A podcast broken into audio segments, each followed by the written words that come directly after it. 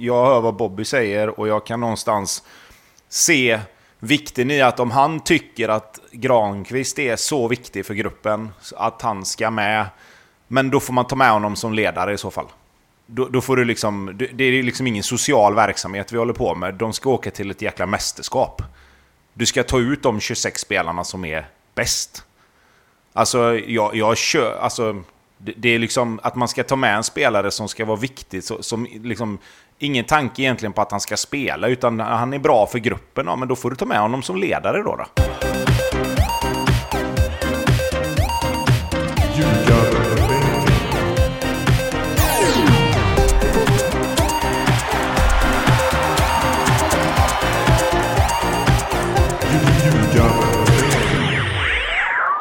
Det här är Ljugarbänken i samarbete med NordicBet. Mårten Bergman heter jag som pratar. Och det har spelats eh, dubbla omgångar sen vi snackade sist. Har hänt en massa grejer och därför kommer vi bli tvungna att... Eh, eh ja, vad är det man säger? Sila elefanter och... Kan du det Tobbe? Det är väl... Eh, vad säger, vad det här var ju Lindströms specialområde annars. Sila mygg och svälja elefanter, eller vad är det man säger? Fast ja, tvärtom exakt, kanske. Något sånt. Eh, ja, vi får se vad vi väljer för taktik idag. Men det har ju varit lite landslagsuttagningar och eh, eh, ja, Andreas Alm till Odense och hej och hå. Så eh, vi, om vi inte nämner just ditt lag eller din favoritspelare så får, vi, ja, får ni lyssna på fler avsnitt framöver helt enkelt. Eh, Bobby, eh, det har gjorts en eh, reklamfilm i Mjällby. Eh, Jakob Bergström eh, och någon eh, superskön eh, handlare av något slag och sponsor till Mjällby. Som väl är det bästa vi sett i, eh, i bästa produktionen i ett allsvenskt sammanhang. Vad fan är det jag har missat? har du missat den? Ja, vad fan är det jag har missat? Aj. Du, får, du får kolla på tråden oj. tror jag. Oj, oj, oj. Alltså nu har du godis framför dig. Nu, fan det här, det känns... Oh, nu är ja, är det nivå alltså? Det är, det är som nivå? att du har liksom...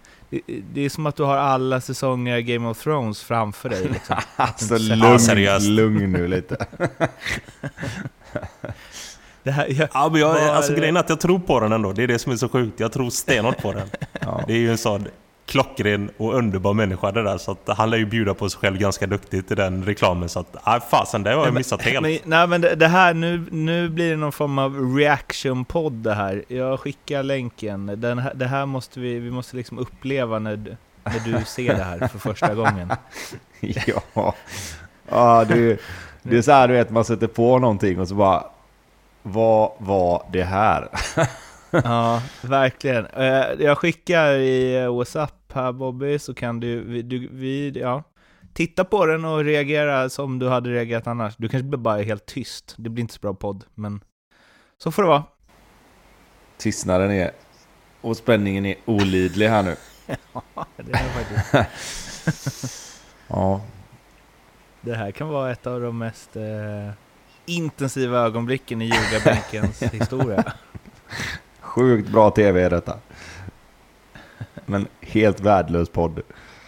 Ja, exakt. Och Bobby kanske försvann. Ja, eller hur? Han blev så han, uppslukad han svimmade av... gjorde han. Eh, han blev helt, helt tagen av eh, fantastiska skådespelarinsatserna. Alltså helt seriöst. Eh, Fem plus, alltså, eller hur? Jag kan, jag kan inte påstå att det är eh, Bergström som gör så mycket. Det är ju den här gubben här som är för jävla härlig. Det är din gubbe, det, eller hur? Ja, herregud. Honom vill jag träffa. Vad är han då? Är han, är, äger han liksom en dagligvaruhandelsbutik i, ja, ja, ja. i Listerland? Eller vad är det för någonting? Det är sjukt, ja. sjukt oklart. det, det... det känns som att det är något så här Ö och B typ, eller något som han har. Det känns som det. Han är liksom, eh, han utstrålar, eller produkterna de säljer, att de uppenbarligen säljer någon plastskalle med godis i. Det är ju egentligen, alltså eh. man kan ju fundera på om, det, om reklamen är så bra, om man ändå har sett den och ändå inte kommer ihåg vad det var reklam för. Ja, de har inte riktigt fått ut budskapet, så kan ju sägas. men det är ju... Jag tror väl att, eh, och det känns väl som att det är han gubben som gör bäst reklam för sig själv bara, att han är... hur, många gånger, ändå... hur många gånger har de fått ta om den och han har fått hoppa in i stolpen, den här gubben då? Innan det blev ja, bra. De lite, hade man velat se. Det är lite flängigt liksom. Man känner ju att kamerapersonen har en del att göra. Alltså, det, är, det, är mycket åt alla håll. Men jag tycker ändå Bergström, alltså, han, han, han lägger sig bra på honom. Utan att liksom... ja. och, ja. åstadkomma någon olika... Vi får väl, vi får lägga upp den länken i, eh, på, på ljugarbänkens ja, sida och så får vi helt enkelt få folk reagera på den på egen hand. Så här kan man väl säga, det, man, det hade varit kul att se en, en, exakt likadan med samma, fast man byter ut Bergström mot Sebastian Larsson. Bara för att få... Det, det känns som det hade inte varit alls samma... Jag vet inte. Seb kanske hade bjudit till. Men Seb känns liksom mer Pepsi än ÖoB på Listerlandet. Liksom. ja, kanske. Då måste den där gubben dra in en frispark också, eller sätta något dobbar i knät på någon. Så ja, vi får se om det kommer en 2.0. Det är ju ändå liksom, nu, nu började vi på topp, det bästa som hänt eh, under de här två eh, allsvenska omgångarna. Eh, men vi tar väl ett, eh, ett steg bort från allsvenskan först av allt. För att komma upp i någon sån när nivå som denna. Eh, EM-truppen har ju tagits ut och Tyvärr blir det ju ingen Zlatan Ibrahimovic eh, på grund av en skada i, eh, jag vet inte om det var sista matchen, men eh, en av de sista i Serie A, när Milan slog Juventus. Han blev borta sex månader, veckor. som tidigast tillbaks i början. Nej, sex veckor va? Ja, ja, ja exakt. Eh, sex månader hade nästan varit, eh, nu, nu fick man ändå någon form av hopp, men de sköt ner det ganska fort. Och eh, ja, om vi börjar där då. Nu, eller om jag börjar där. Jag, det är klart det kommer vara skitkul med EM. Men nu känns det som att allt det här som varit innan, när Zlatan kommer tillbaka och han har en helt annan liksom approach till hela grejen. Eh, och man känner så här, oh, det är ju så här du ska ha varit de fyra senaste åren. Det blir liksom bara, oh, luften går ur lite. Man hade ju sett fram emot det här så jävla mycket. Isak och Kulusevski och Zlatan och, och så blir det så här. Fast jag, jag, kan förstå vissa som tänker så liksom. Eh, jag tyckte väl också det var tråkigt med tanke dessutom på att han var rätt bra när han kom in och spelade liksom. Han hade ju, vad gjorde han? Typ tre assist de, de två matcherna han var med. Så att det är klart att det är, det är jättetråkigt att han inte kan vara med, men samtidigt någonstans så är det ju att Fan, det är fortfarande ett EM. Liksom jag, den känslan av att man var lite besviken på att han inte kunde vara med, den tyckte jag försvann rätt snabbt alltså.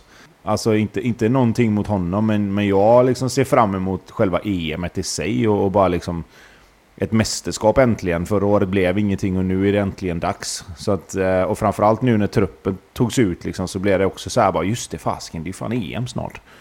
Det är ju ändå coolt Finns, liksom en, en tröttsam eh, grej, så bättre eller sämre med Zlatan som landslaget. Men om man, om man tar den Eh, diskussionen på en seriös nivå, för i det här fallet så blir det lite speciellt att han kom tillbaka, har väl en spelstil som kanske inte riktigt är sådana forwards som eh, Jan Andersson brukar eh, bygga sina lag kring, samtidigt som han är liksom den överlägset bästa offensiva spelaren.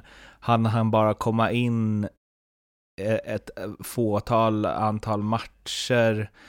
Ehm, alltså kan det, kan det på något sätt vara bra eh, att man inte... För om Zlatan hade varit med så hade man ju blivit tvungen att anpassa vissa grejer för att han ska få ut sitt max. Liksom. Och nu kan de typ tuffa vidare på det de mm, hade tänkt utan Zlatan. Ja, det är väl tillbaks eh, på ruta ett igen. Eh, det är väl det det, det är väl det det handlar om nu. Eh, och, Alltså man såg ju ändå att Zlatan ganska fort anpassade sig eh, för hur Janne vill spela. Eh, de här två landskamperna han spelade med eh, jäkla fina matcher och eh, en del jäkla fina framspelningar där han får sina assist. Eh, så att anpassningen gick ändå ganska fort för honom. Nu är det ju... Ja, nu vet vi vilka vi får. Det blir ju Isak och det blir Berg. Och då kommer vi bygga eh, runt det där. Och de har ju spelat mycket ihop och de kan varandra. Berg är ju stabil. Gör sitt jobb i landslaget. Vi vet vad vi kommer få. Så att eh, Janne fick nog inte de största huvudbrynen som man kanske ville spela upp här nu på presskonferensen. Men en annan take nu när eh, Jordan Larsson eh, kom in. Fan, när var det Henke och Zlatan spelade tillsammans? Det var väl 15 år sedan någonting. Fan, det hade varit jäkligt coolt att se Jordan Larsson och eh, Zlatan i, i några minuter tillsammans i ett, i ett mästerskap. Den är lite tråkig tycker jag. Fast, det kommer kanske ja, nästa år. Men sen är det väl så här med, om man nu ska ta nu, Jordan Larsson hade väl inte varit med om Zlatan hade varit med? Nej, så är det ju. Det sa ju, det sa ju Janne ganska tydligt att i, i uttagningen där blev att nu när Zlatan inte kunde så tog vi med Jordan istället. Uh, så, så den hade vi väl ändå inte kunnat se. Men jag förstår ju vad du menar. Det har ju varit lite kittlande känsla. Och, och liksom, jag vet inte, Zlatan har nog känt sig ganska, ganska gammal om han inte redan gör det. Om han är plötsligt ska börja spela landskamper med söner till de han har spelat med innan. Liksom. Ja, det är världsklass.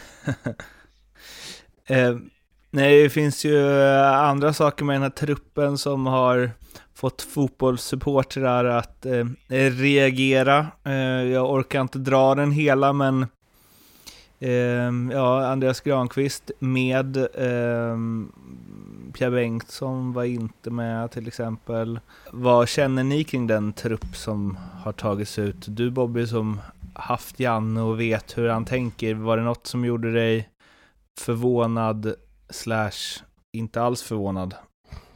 Nej, jag blev absolut inte förvånad någonstans på den här laguttagningen. Uh, han tar det som han känner sig jäkligt trygg och säker i. Där är Granen en av dem. Där är Gurra en av dem.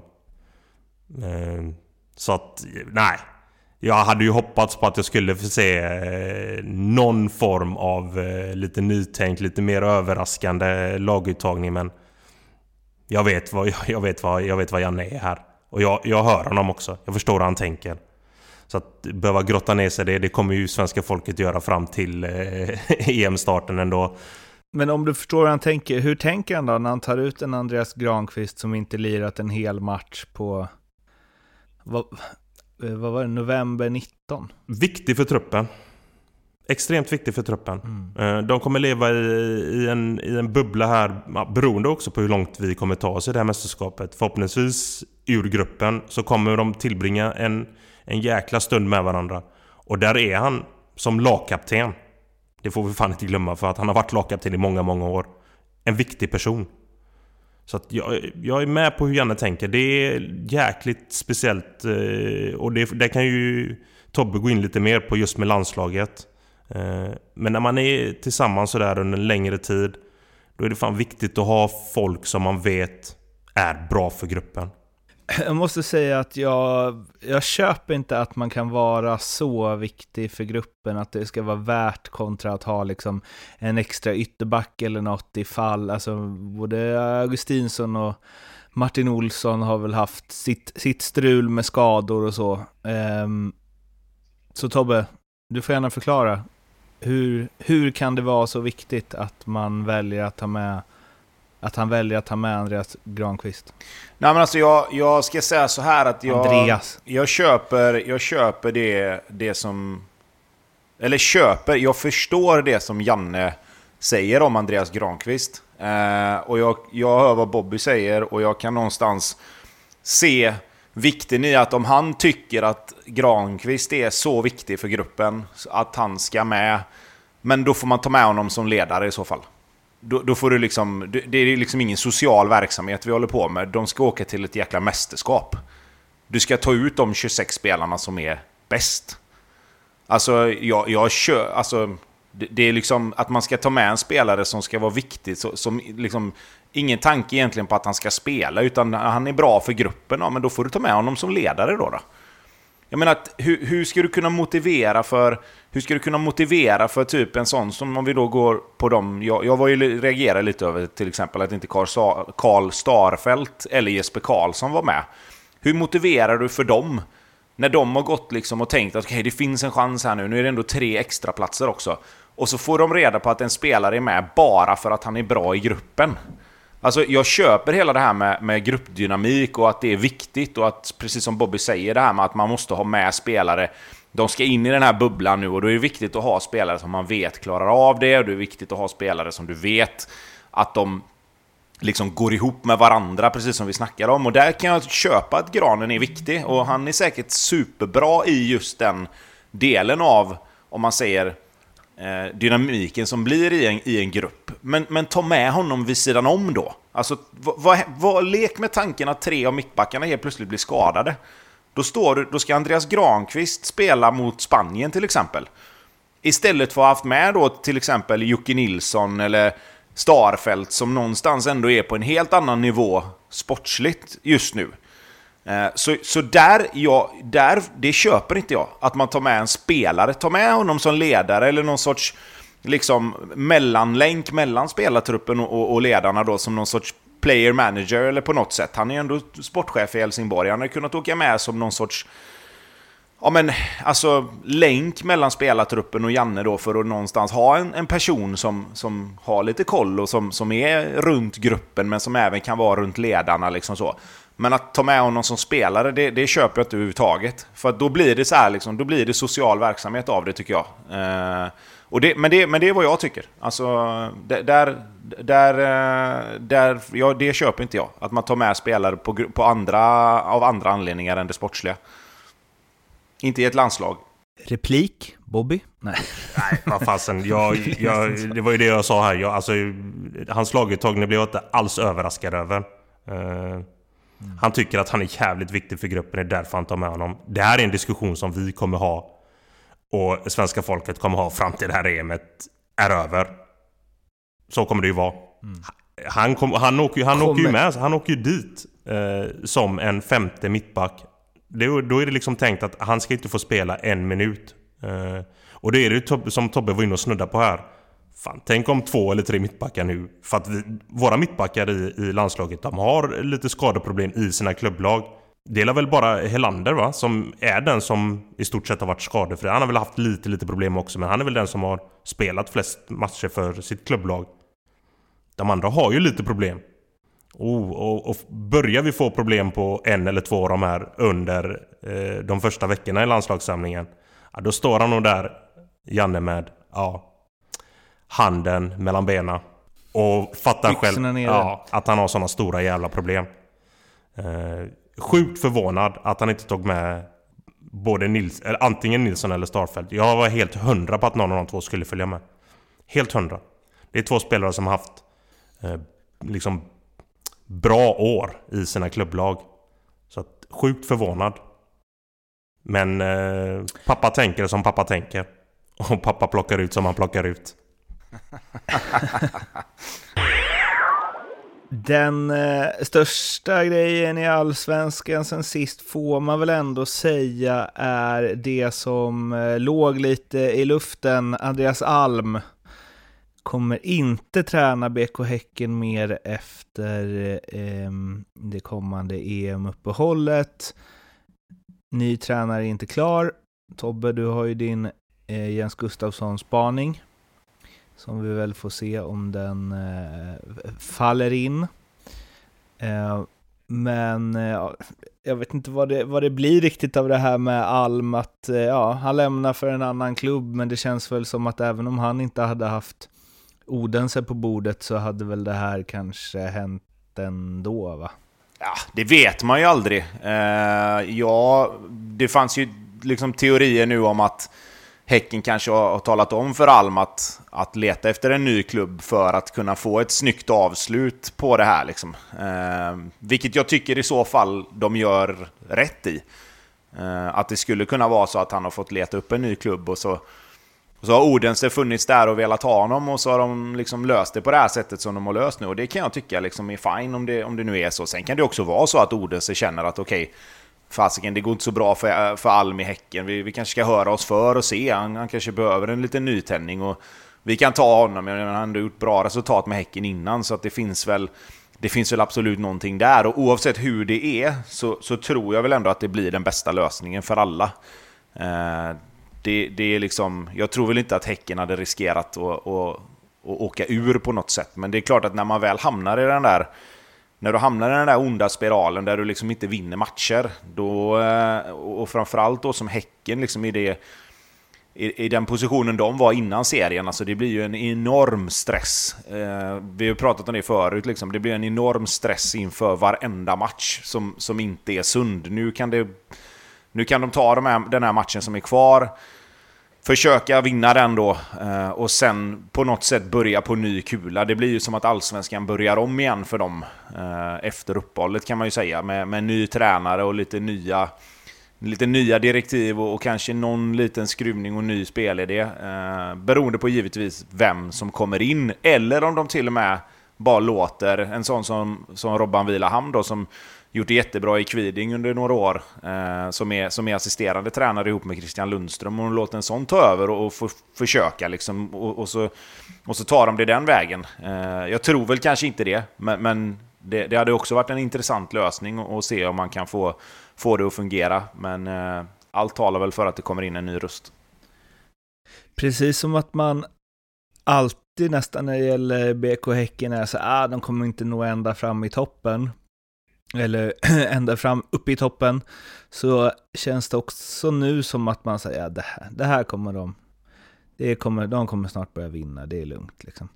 Men finns det någon anledning för Häckensupportrar att vara oroliga för att det här kanske, eh, ja men att det kanske blir en, eh, att det inte bara är en dålig start, utan att det kan vara svårt att komma ur det här? Nej, alltså Truppen har de för att kunna lösa det.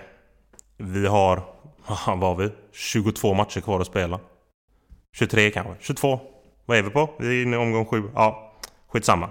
Vi har över 20 matcher att spela i alla fall. Det är över 60 poäng. Så att det finns extremt mycket poäng att kunna hämta för Häcken. Men det är klart att fasen... Jag då, som ändå varit i de här situationerna ganska många gånger, vet att det är, det är extremt påfrestande och det är sjukt tufft alltså. Det, det är jävligt jobbigt. Och speciellt i matchen också som du känner att ah, fasen, här har vi bra kontroll och så boom så smäller det bara bakåt. Och då vet du, uff, nu är det världens jävla uppförsbacke. Och de har ju haft problem, alltså Häcken, bakåt. Vilket ändå har varit... Men det är lite det jag menar. Att ja. så här, det är inte bara, bara för att man har en bra trupp, det kommer ju inte bara lösa sig. Nej, alltså, om, det, det om det hade varit ett inom citationstecken storlag här, AIK, Malmö, Bayern som hade legat i det här, då hade det ju börjat så här, oh, kommer de komma ur, all press och bla bla bla. Men bara för att det är Häcken så tänker man typ att så här, det, de löser det. Det kommer inte bli någon kalabalik bland supporterna och sånt. Så det kommer vara lugnt. Men det har ju inte sett superbra ut. Nej, det har det ju inte. Men samtidigt så är det så här också att jag tror att den största pressen just nu, det är nog... Den kommer nog inifrån skulle jag säga. Uh, för att jag vet liksom... Nu ska jag inte jämföra på det sättet, men när vi... Jag, jag kommer ofta tillbaka till det här 2012 där när vi, när vi med Blåvitt då satsade och plockade in spelare liksom. Och vi var tänkta att vara topplag och vi, vi var väl i ungefär samma samma situation som Häcken var där. Alltså det var vi och Malmö och något lag till som skulle vara med i toppen. Och sen börjar man knackigt och du får inte de här segrarna som, som du behöver. Och helt plötsligt så blir det ju, som jag sa, det blir en jäkla stress i varje match att du måste vinna. Framförallt nu hit, alltså än så länge då liksom. Nu kanske Häcken någonstans har gett upp hoppet om att vara ett topplag kanske i år, men någonstans, som Bobby säger, det är ändå rätt mycket poäng att spela för. Men för varje match som går här nu som de inte vinner, så, så är det ju ändå liksom det här att, fasken, det, ska det bli ett sånt år? Eller nej, men det kommer lösa sig. Och jag vet själv att man bara, nej, men det ordnar sig. De är för bra för att åka ur. Men jag menar, det finns ju säsonger där lag som har varit för bra för att åka ur ändå har åkt ur. Eh, och jag tror att det viktigaste för Häcken är någonstans att inse att det kan hända liksom. För jag vet hur det var för oss 2018. Det var samma sak då. Ja, men Blåvitt, de kommer inte åka ur. Det är ändå Blåvitt liksom. Och så står du där med fyra matcher kvar och så måste du vinna. Borta mot BP till exempel. Eh, och det är inte bara att åka upp och göra det i den situationen. Alltså nio gånger av tio så kanske du gör det. Men den här gången när du står där med kniven på strupen och vet liksom att okej, okay, vinner vi så har vi åtta poäng ner och förlorar vi så är det två. Alltså, du vill inte hamna i den situationen och därför så tror jag att det här med tränarbyte är, är man, man byter tränare kanske lite för ofta och man, man, tror att det ska bli en annan effekt. Men nu tror jag ändå att det kan att det kan bli en bra effekt på det. Inte för att Andreas Alm har varit dålig på något sätt, men, men det blir lite som när, när Poja körde fast förra året, liksom att till slut måste ju någonting hända. Alltså någonting måste ju ändras innan, det, innan du hamnar i den sitsen att du står där med 5-6 matcher kvar och då är det verkligen stress. Så att eh, vi får ju se hur det blir här nu och vem som kommer in. Men, men att man ska, man ska nog ha en, en sjukdomsinsikt där ganska snabbt att fan, vi har inte vunnit på sju matcher här nu. Det finns egentligen ingenting som talar för att det ska bli så jävla mycket bättre snabbt. Och det är ju så Häcken också måste tänka. Att det är, det är kamp för överlevnad här nu varje match. Tills de har tagit tillräckligt med poäng för att känna okej, okay, men nu är det lugnt. En, en eh, annan aspekt av det tänker jag är att det var nog inte bara vi utifrån som kände att fan, Häcken har något riktigt bra i år. De kan ju vara med och slåss om guldet, det kände väl spelarna också. Att då bara liksom en fjärdedel in i säsongen behöva tänka om. Jag tänker att det inte är helt lätt heller, att man inför säsongerna och säger fan nu vi ska gå för det grabbar, liksom. nu, det, i, nu har vi någonting som faktiskt kan bli riktigt, riktigt bra. Och så bara bonk, oj, nej nu ska vi se till så att vi kommer på övre halvan. Att den omställningen inte är helt lätt heller. Nej. Eller har jag fel? Nej. Eh, du, är, du är nog helt rätt på det. Eh, och det är väl en jävligt bra text som Tobbe var inne på här med eh, eh Real Göteborg 2012. Som, eh, som hade ett jäkligt fint lag och fick den ah, usla starten. Eh, så att Fan, han är ju helt inne på det här att även om det är ett bra lag, eh, men med en dålig start där alla har förhoppningar och förväntningar på att man ska vara uppe i toppen och fightas och helt plötsligt ligger sist med noll vinster. Den är, den är jävligt tuff alltså. Det måste det vara. Det, det, men det är eh, jävligt bra eh, jag tycker så här, och jag tror lite det som Tobbe säger också. Jag tror att de har varit eh, på Alm här lite att gubben, har du någonting så kika vidare så det blir snyggt. De får säkert lite deg för dem också från Norden. Så det är ju inte fel om de nu hade bestämt sig för att kanske göra sig av med honom. Eh, mm. In med ny röst, in med någon som de tror på. Vi har varit inne och snuddat lite på Jensa. Det finns några andra tränare där ute som också är intressanta. Som definitivt skulle göra någonting gött i den, i den här truppen. Så att jag tycker det var bra gjort, snabbt agerat av, av Häcken. Om det nu var så att de ville göra sig av Malm. Så är det sjukt snabbt agerat för att göra någonting jävligt fort. Och nu får en person som kommer in här fan en helt ny försäsong med tanke på EMet här nu där han bara kan i lugn och ro bygga den här förstås. truppen. Så det är mm. grymt agerat om nu så var fallet. Vilket jag tror att det var. Nu har det blivit dags för lite speltips.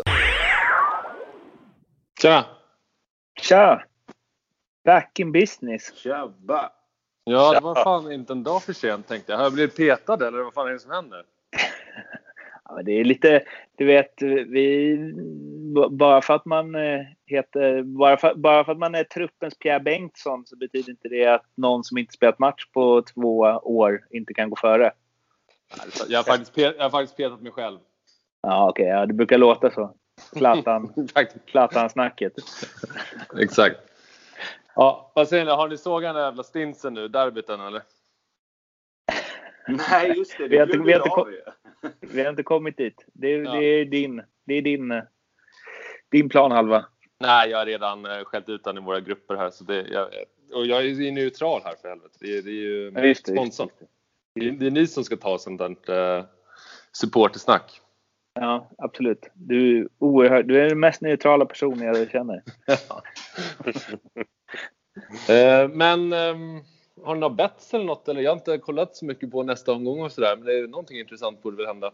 Ja, det finns lite. Mm. Och då? Det gör det.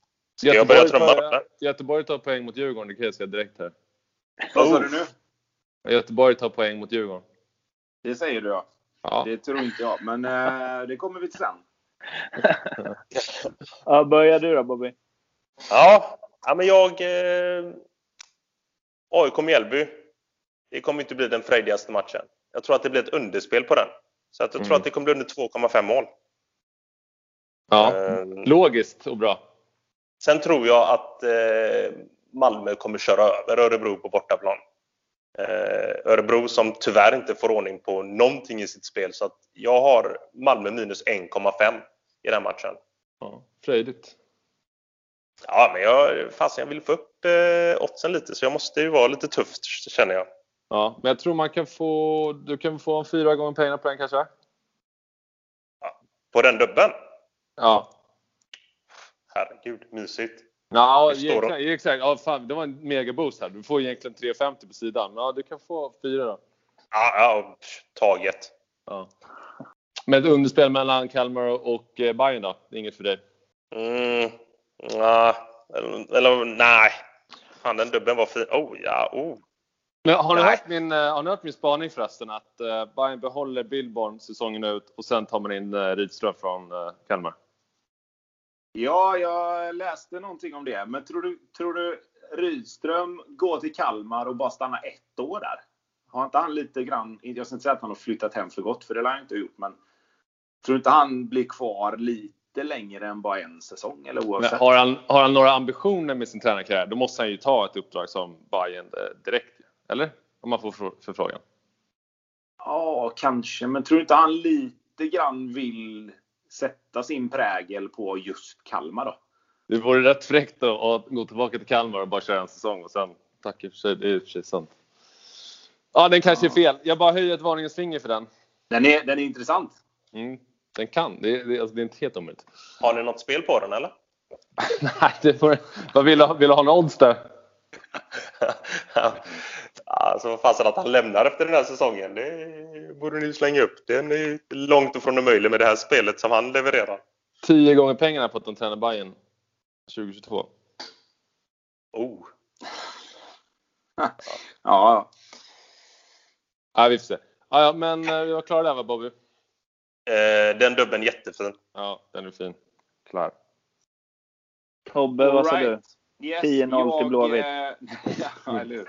Minus 3,5. Nej, men eh, jag har faktiskt gjort så här att jag tycker Kalmar-Hammarby eh, att båda lagen gör mål.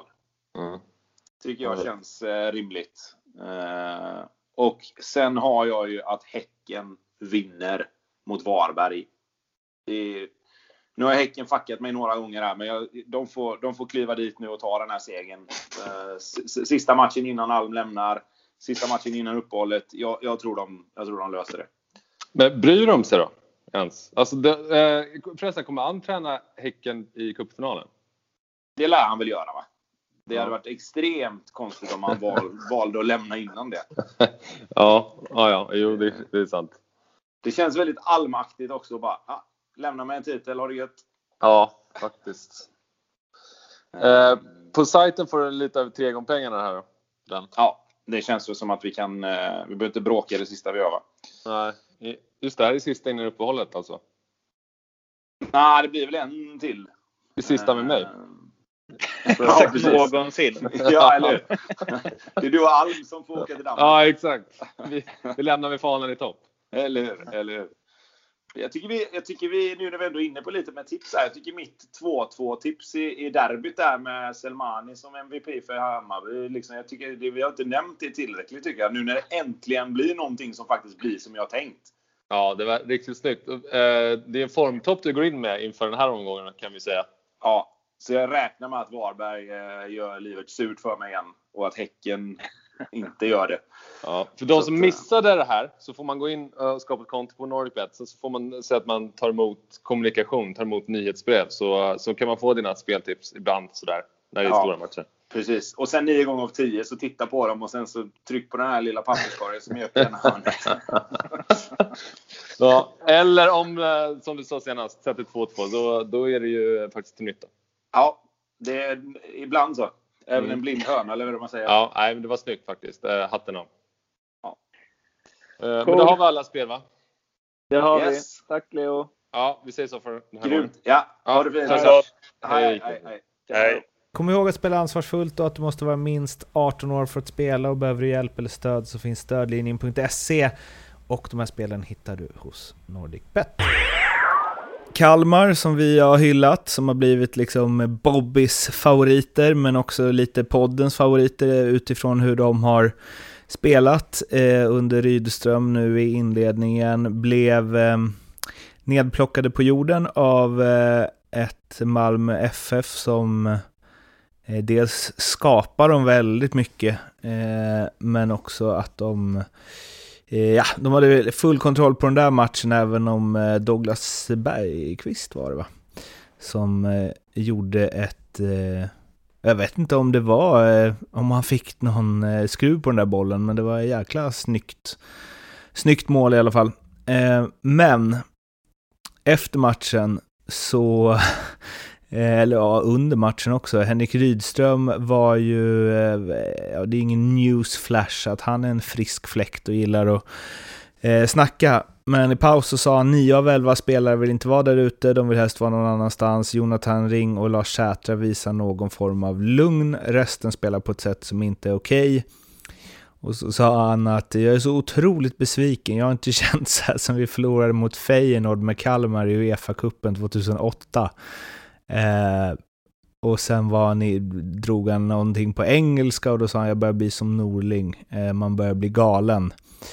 Eh, och refererade också till sin engelska som, eh, visst engelska låter bättre i vissa situationer, då vill man ta till det. Sen är problemet att jag har min småländska så det låter ändå bara som Åsa-Nisse när jag pratar. vilket, vilket är en av de bättre vilket är en av de bättre eh, allsvenska eh, citaten so far i år. Eh, men han ordar ju liksom på om allting. Han kommenterar hur Anders Christiansen tar sig an domslut och sätter press på domarna. Han pratar om hur Malmö spelar som Kalmar när de vann guld 2008 med långa inkast och långbollar och hej och hå. Det är måste säga det är så otroligt, eh, och då säger jag inte det bara som gammal sportjournalist, utan som supporter eh, och eh, ja, man, älskare av allsvenskan. Det är så otroligt skönt att eh, läsa någon som bara babblar på. Eh, för det som händer när han gör det här, det gör ju, alltså hade någon annan tränare sagt vissa av de här grejerna, hade det blivit sådana sjuka rubriker av det. Men med Rydström så är det bara som, han har liksom, han har helt fritt spelrum. Han kan säga i princip vad som helst för att alla, alla vet att han pratar så mycket så det blir lite, eh, är ni med på vad jag menar? Han har liksom, man tar allt lite med glimten och vet att han liksom, Eh, ja, inte drar sig för att uttrycka saker och då blir heller inte grejerna han säger lika hårdvinklade typ. Så känner jag i alla fall. Ja, jag, jag är med dig. Du vet att det där är min gubbe. Han får, för mig får han säga precis vad han vill och man tycker bara att han är så jäkla underbar.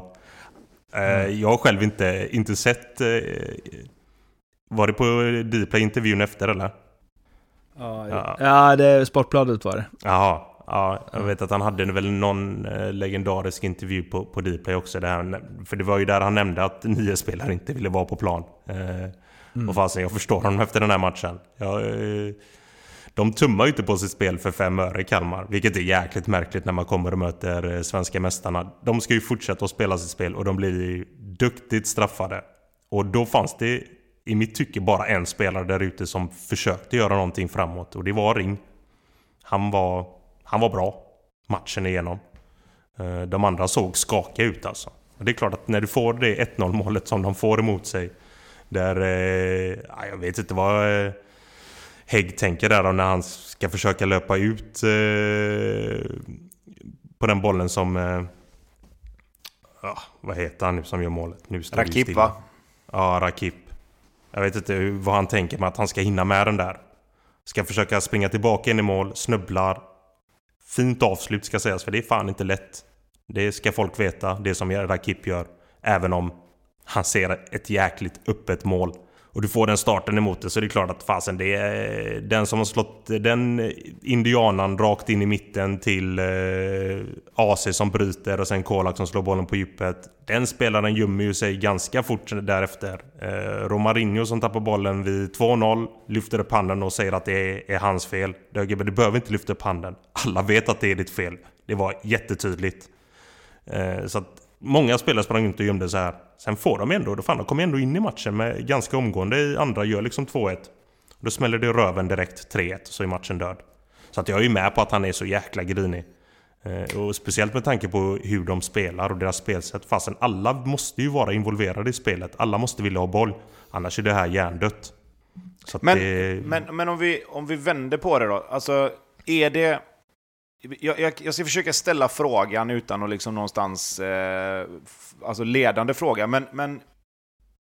Tycker vi att det är rätt av Kalmar att åka till Malmö? Du var ju inne på det lite och nuddade där Bobby. Är det rätt av Kalmar att åka till Malmö och försöka spela sitt egna spel? Eller ska man anpassa sig lite grann efter vilka man möter? Alltså... För, för jag kan bli så här, jag, jag, tycker det är beundransvärt att, att Kalmar ändå försöker spela upp bollen bakifrån. Jag tycker de har löst det många gånger. Men jag kan tycka liksom att vissa matcher kanske du ska tumma lite på det, framförallt i början av en match, för att inte ge motståndarna någonting. Så att, ja. Jag tror att man... Tror du inte att man måste åka på en sån här då, för att kunna gå in med det i nästa gång det är ett sånt tillfälle när det är, vad vet jag, Men, men ska borta. du behöva göra det då? Alltså, liksom, för grejen är så här att jag tänker så här nu, att nu när de åker på den här minan som de gör, kan inte det snarare ha en lite skadlig effekt på deras självförtroende? Att fan, så fort vi mötte ett lag som var lite bättre så gick det åt helvete. Att de kanske nu i nästa match när de möter ett sånt lag och kanske ändå ska försöka, att man blir lite rädd, att man blir lite passiv att spelarna kanske har i bakhuvudet lite grann att fasiken, när vi mötte Malmö så blev det inte riktigt bra och nu vill han ändå att vi ska fortsätta spela och vi ska ändå göra så här och så här.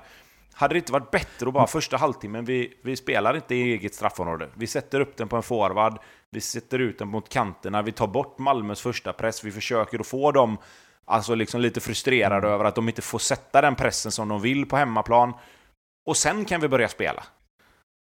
Men blir inte det också, blir inte det också en balans mellan att så här, nej, nu ska vi inte spela som vi brukar göra, alltså tror coach inte att vi är tillräckligt bra för att lösa det. Nej, men jag, jag, jag säger det. Alltså det, var ju, det är precis uh. det här, det var den här frågan jag ville ställa liksom. Hur mycket ska man hur mycket ska man trycka på? Det, det, det är exakt det jag menar, för det är exakt så som du säger, det är ju lite så det blir. Men, men jag mm. tror att i det skedet Kalmar är så tänker jag väl att spelarna ändå förstår om Rydström hade mm. sagt att gubbar, jag tror stenhårt på det här. Men jag vet inte om vi är där att vi kan knacka bort Malmö på bortaplan. Utan mm. vi ska fortsätta utveckla detta och vi ska knacka bort Malmö på bortaplan, men kanske inte efter ett halvår. Eller kanske inte efter mm. sju omgångar i Allsvenskan. Hade det varit omgång 23, så ja, nu är vi så pass trygga i det här att det här, det här har vi liksom. Men vi ger inte Malmö så... den här chansen att komma och sätta hög press och, och käka upp mm. oss liksom. Jag, eh, jag håller med dig eh, samtidigt som att jag tänker att man i Rydströms läge också kan, eh, även om det kanske inte är det bästa att göra, att man kan vifta bort det som en del i processen. Ja, det, är väl säkert, det, det är väl säkert det han gör. Det finns en liten annan take på det här. Just med Rydström. Alltså förra året jag tror det var förra året, eh, när de mötte AIK på gräs. Så hade AIK ungefär samma spel, eller spelsätt nu som Malmö hade. Eh, väldigt hög press. Nästan man-man, alltså inte det AIK man-man vi såg här i början. Utan mer Jelak man-man. Eh, Och de gör en jäkligt bra match och synar Rydströms alltså, spelsätt. Jag fick lite samma känsla här nu. Jag vet inte om det var mot AIK. Jag kanske säger för mycket. Jag tror det var mot AIK i alla fall. För att jag fick... Det, det kom upp en sån liten vibe nu att fasen, är inte det något annat lag som också kört den här typen av press och lyckats jäkligt bra?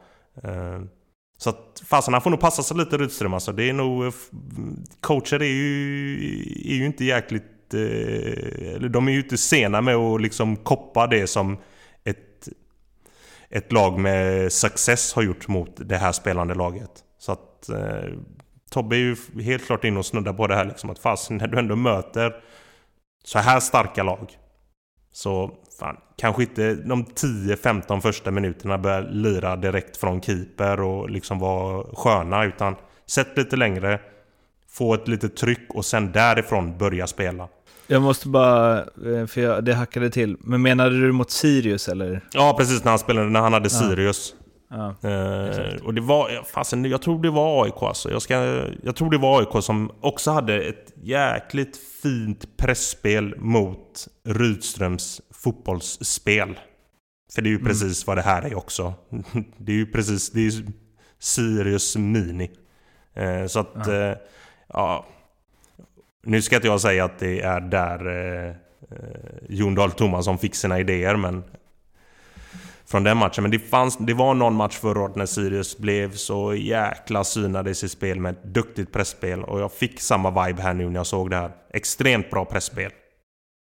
Och eh, han kan bli jäkligt synad Rydström på det här om han ska fortsätta med det. Tobbe, det som jag gick in i det här med, eh, vad, vad, tycker du om alltså, Rydströms sätt att eh, prata öppet om det mesta och liksom hur det skapar intresse i allsvenskan och, och också varför det är så få som, som gör det med den självklarheten och tryggheten och eh, total avsaknad av eh, rädsla för att man saker ska bli vinklat på fel sätt och så vidare.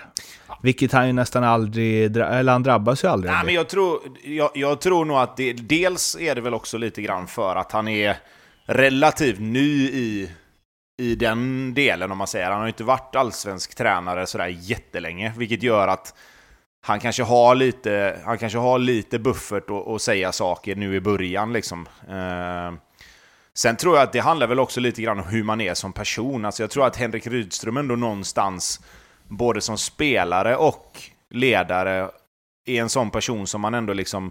Du respekterar ändå Henrik Rydström. Han, han, var, han var en jäkla gnällig jävel även på plan. Eh, och, men, men det var liksom den här, alltså, det, det, det är en sån spelare var han, att man man tog det lite för att han, han, han visste liksom att okej, okay, här går gränsen på något sätt och här är ändå liksom, det finns en ömsesidig respekt hela tiden. Uh, och jag tror mm. att det, det kommer du ganska långt med, för jag tror också så här att skulle skulle folk, eller, eller liksom om man säger media nu då som det blir, skulle de börja vinkla saker mot honom och göra saker som han känner att okej, okay, det var inte så här jag menar, varför vinklar ni det så här? Då kommer han ju också sluta bjuda på saker. Alltså det är ju lite så det är. Lite så det är. Alltså man, man har ju en inställning av att går du in i en intervju så säg det som du tycker och försök att vara så öppen som du någonsin kan för att annars är det bättre att tacka nej. Eller så får du bara säga de här flosklerna att liksom, ja men bollen är rund och idag vann de och de var bättre och inte liksom hela, hela den biten. Men har mm. du då en tränare eller en spelare för den saken som gör och bjuder på lite mer, så tror jag också att media värderar det på ett sätt att vi, vi får nog ändå hålla hans liksom, citat så som de är och försöka vinkla det på det sättet som han vill. För att annars så tappar vi honom. Då, då tappar vi det här att vi får de här grejerna. Och, och det kanske är mer värt då eh, än, än att börja vinkla saker ur sitt sammanhang för att behålla hans öppenhet, eller vad man ska säga. Nu blir det lite flummigt, men ni förstår vad jag menar tror jag. Ja. Mm. Och han, det, det, han gör här också, det är att han tar bort fokuset från själva matchen, om själva matchen, hur matchbilden blev. För nu blir det jävligt mycket skriverier om, om eh, hans härliga uttalanden. Han är ju bra där, det får man ge honom. Han tar ju bort fokus från själva matchen. Det är ju jätteenkelt. Men, sen tror jag också när han säger så mycket saker som han gör, Tobbe, så tror jag också att det blir, det blir inte så stort. Alltså, man tänker så här, nu är Rydström igång igen. Ja, nej men precis. Mer det, än att det, säga ja, wow, sa han så? Ja, men precis. Det blir lite mer så här, nu, nu, gick han, nu gick han lös där som du säger, och så, och så bryr man sig inte riktigt om vad han säger. Alltså man analyserar det, nej men man analyserar kanske inte egentligen vad han säger. Alltså om man, om man ska vara helt ärlig, är det så smart att, att såga laget i halvtid? Alltså, eller, eller ska man ta den internt till exempel? Det blir också en grej då, liksom, vad, vad är bäst där? Han försöker väcka laget och, och få dem att liksom, ja men fasken kom igen nu, vi måste våga liksom. Eh, Men, men det blir också lite så här, jag läste några som tyckte liksom det var dåligt ledarskap att gå ut och såga alla utan två i, i paus, liksom. att det kan han göra i omklädningsrummet. Men jag tror att han har ju en tanke med det också såklart. Alltså det, det är klart att det är det man kommer ihåg, och jag menar lite grann som vi sa nu, nu, nu fick Kalmar stryk och de blev synade och straffade ordentligt. Men vi pratar ju mer om vad Henrik Rydström sa egentligen, än att Romarinho, eller Romario och Hägg Johansson gjorde sina jättetavlor. Eh, Vilket kanske är... Då, då, har ju, då har ju Rydström någonstans vunnit. Då har han tagit bort, som Bobby säger, då tar han bort fokus från själva matchen och, och, lägger fokuset på sig själv. Och så kan de fortsätta liksom utveckla sin del och sitt spel och, och säga till de här två att liksom lyssna, vi ska spela bakifrån, det kommer bli fel, fortsätt. Är det medvetet eller är han bara sig själv? Ja, du. Jag tror det är en del av båda alltså. Ja, det känns så. Det var ju en gammal klassisk match. Eh, Det blir ju några sådana när Degerfors är tillbaka, men eh, nu var det ju Degerfors-Örebro och Viktor Edvardsen. eh, Man kan väl säga att min lilla utläggning sist om eh, att han eh, fick ju banka in ett mål från halva plan och sen således kunde toffla in 2-0 på ett så här har med sig självförtroende sätt. Och då sa du Tobbe att ja, men han är en bra avslutare. Man kan väl säga att du fick liksom eh, Niagara-fall på din kvarn i den här eh, matchen. eh, vilka jävla mål han gör. Alltså inte bara, inte så här att de är sjukt snygga allihop, men det är ju skickligt på olika sätt. Ja, Ehm, det kan man väl säga. får man ju säga. Ja, det får man säga. Den första är ju liksom en eh, ja, men superfin placering. Eh, och sen så det tredje är ju ett eh, ganska, ganska bra avslut får man säga. Eh, och vad är andra nu? Hur var det? Ja, Andra målet är när han kommer fri och placerar in den bortre. Första är ju bara vinklar, han är bara Ja, in en det. nick. Ja, just det. Ehm, Exakt. Men det är, det, är tre, det är tre bra mål på egentligen... Alltså tvåan och trean påminner väl om varandra lite grann, även om inte avsluten är riktigt likadana. Eh, men, men det jag skulle säga är att jag, jag tycker... Det man märker med Viktor Edvardsen, det är att han... Alltså andra mål, första målet liksom, okej, han är på rätt ställe in i boxen, vinklar in nicken. Eh, det, det, är ett bra, det är ett bra mål liksom, det, det, det ska han göra. Alltså, vinkla, vinkla nicken på mål, det ska han göra liksom alla dagar i veckan. Sen att den inte alltid går in, det är ju en helt annan sak. Men, men de två andra målen är ju... Det är ju dels ett resultat av en konsekvent spelidé som Degerfors har. Att de vill sätta honom in bakom backlinjen. Han springer jäkligt smart. Han är väldigt ofta nära att bli fri. Några gånger blir han offside. Eh, några gånger så missar de passningarna. Men när de sätter det där, de här två, tre, fyra gångerna varje match, så är det fasken målchans nästan varje gång. Och det är väldigt... Alltså, det kan se enkelt ut. Och det är kanske ett enklare sätt att skapa målchanser än att försöka knacka sig igenom. Men det är för att de har en extremt tydlig idé hur de vill anfalla. Och han är extremt bra på att tajma de här löpen in i djupled och hitta ytorna precis när motståndarens backlinje tar ett kliv upp. Då kommer spelet. Den som har bollen vet att han går. Han vet att den som har bollen slår passningen om han bara tajmar det rätt. Eh, Så det är både enkelt och svårt. Men, men alltså, han passar ju in där så perfekt i det spelet. Och ja, en bra avslutare som har mycket målchanser, då, då, då blir det oftast ganska bra. Men det är ju, man får ändå säga att eh, med tanke på hur blek han var i de första matcherna, så det där från halva planmålet kanske gjorde sitt ändå i hans känsla. För nu är det, det är lite annan eh, beslutsamhet, får man ju säga, när han kommer i de lägena. Jo, men så är det. Jo, men så är det. Alltså, och, och, det, är klart att, det är klart att ett mål gör väldigt mycket för självförtroendet. Man får, han får gjort det där första allsvenska.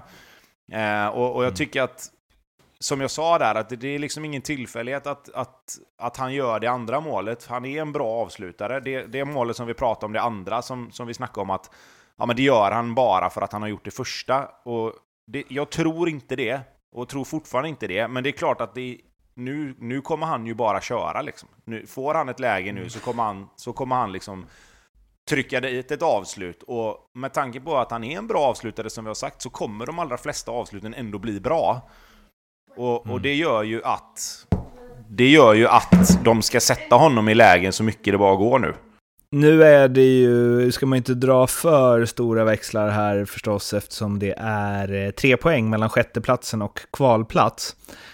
Men om man ser på vad Degerfors var för tre omgångar sedan och vad de är nu. Rickard Norling berömde dem mycket efter krysset borta mot Norrköping där, att de faktiskt är ett lag som är bra och som spelar bra.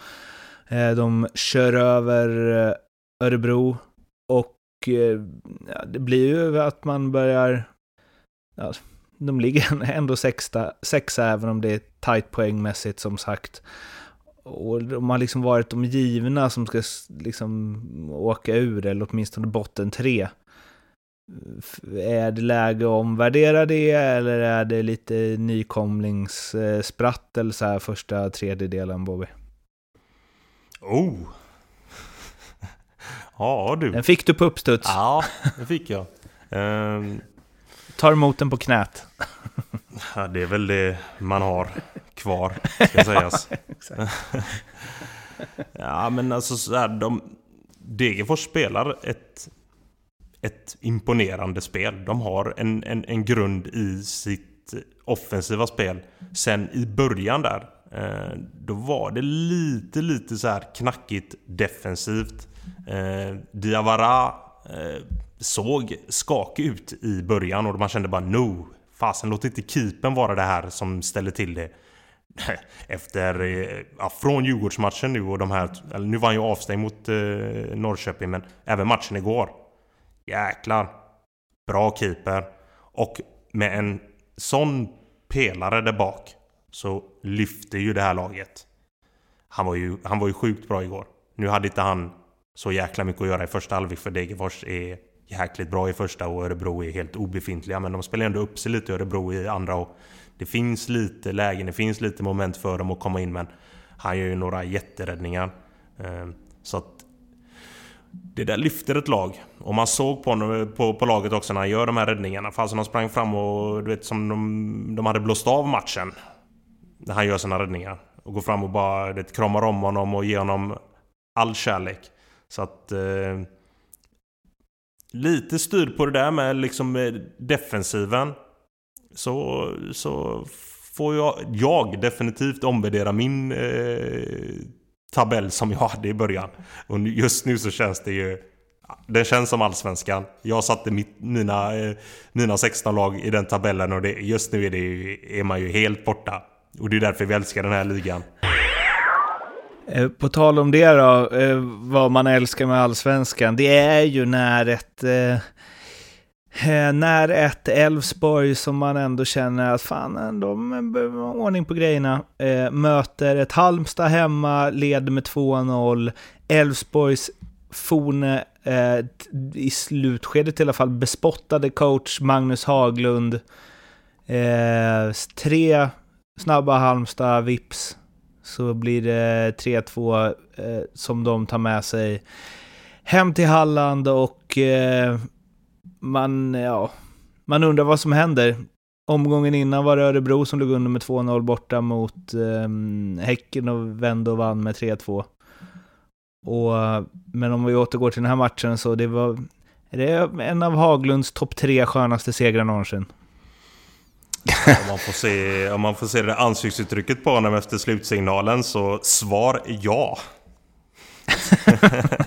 Svar ja. Uh, nej, det är sjukt alltså. Eh, man, ja. bara, man blir... Man slutas aldrig att förvåna, förvånas över eh, hur det kan se ut i, Allsvenskan eh, ibland alltså. 2-0, då tänkte man alltså, okej okay, det här kommer rassla nu alltså. Nu blir det här sexbackslinjen, nu kommer de bli duktigt synade och nu blir det liksom en 3-4 bak för Halmstad. Hej! Han kopplar på någonting i Haglund där och lyckas eh, trycka ur eh, det här ur sina spelare. Ja, det, är, fan, det är sjukt imponerande alltså. De gör det igen dock, Elfsborg, när man leder med 2-0. Man blir bara så här, uff. Då börjar det här hela snacket med att en 2-0 ledning är det värsta du kan leda med i fotboll. Alltså allvarligt talat. Händer.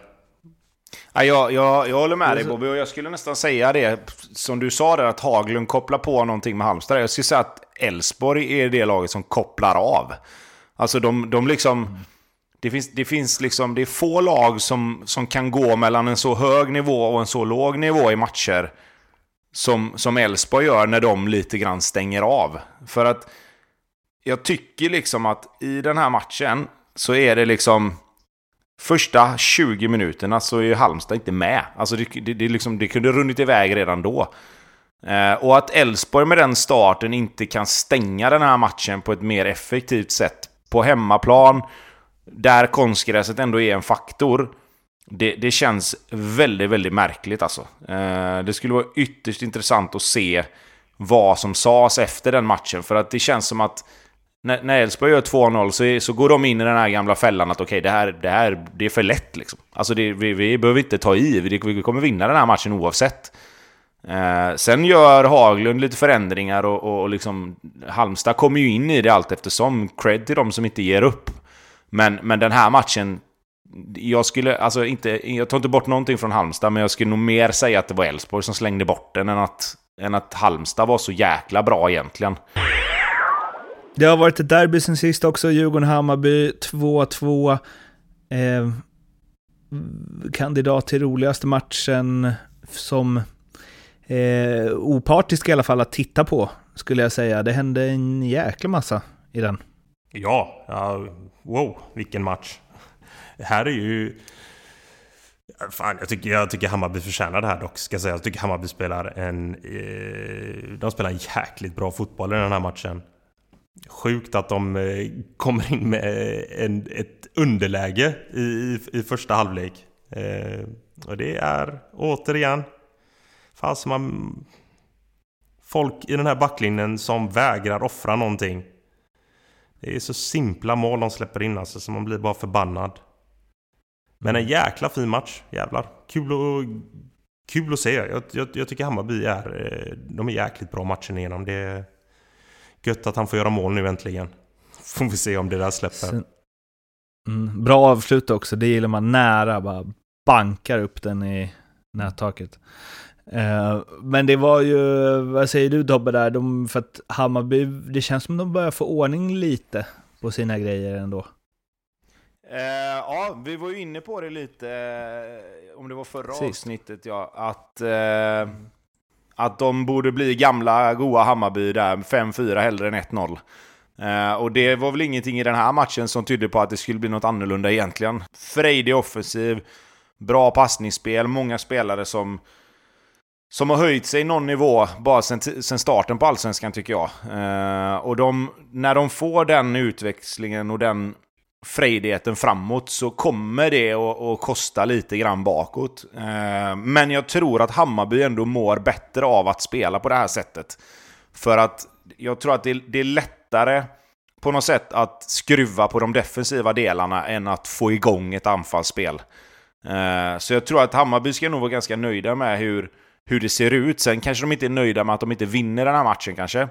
Men jag tror ändå i längden att Hammarby tjänar på att, att man har fått igång det här igen som, som lite grann är Hammarbys sätt att, att ta sig an matcher. Att fan, det, det ska vara full fart och det ska vara ös framåt. Och sen så får vi försöka skruva hela tiden nu på, på det defensiva, lite med balansen och, och, och lite med att kanske fundera på om man ska plocka plocka ut en sån som... Alltså, Bojanic är jävligt viktig för dem i, i det offensiva spelet, men när man sen i matcher, nu låg de ju under i den här matchen, så de behövde ju ha honom kvar, men, men i matcher där de kanske leder istället för att ligga under, och att man plockar ut en sån spelare för att få in lite mer defensiv balans och en kanske lite mer rörlig spelare som kan täcka lite mera ytor. Eh, det, det, det lär vara ett byte som, som man kommer få se här framöver, men, men jag tycker ändå att i, i det spelet som Hammarby har nu så har de hittat rätt konstellation också.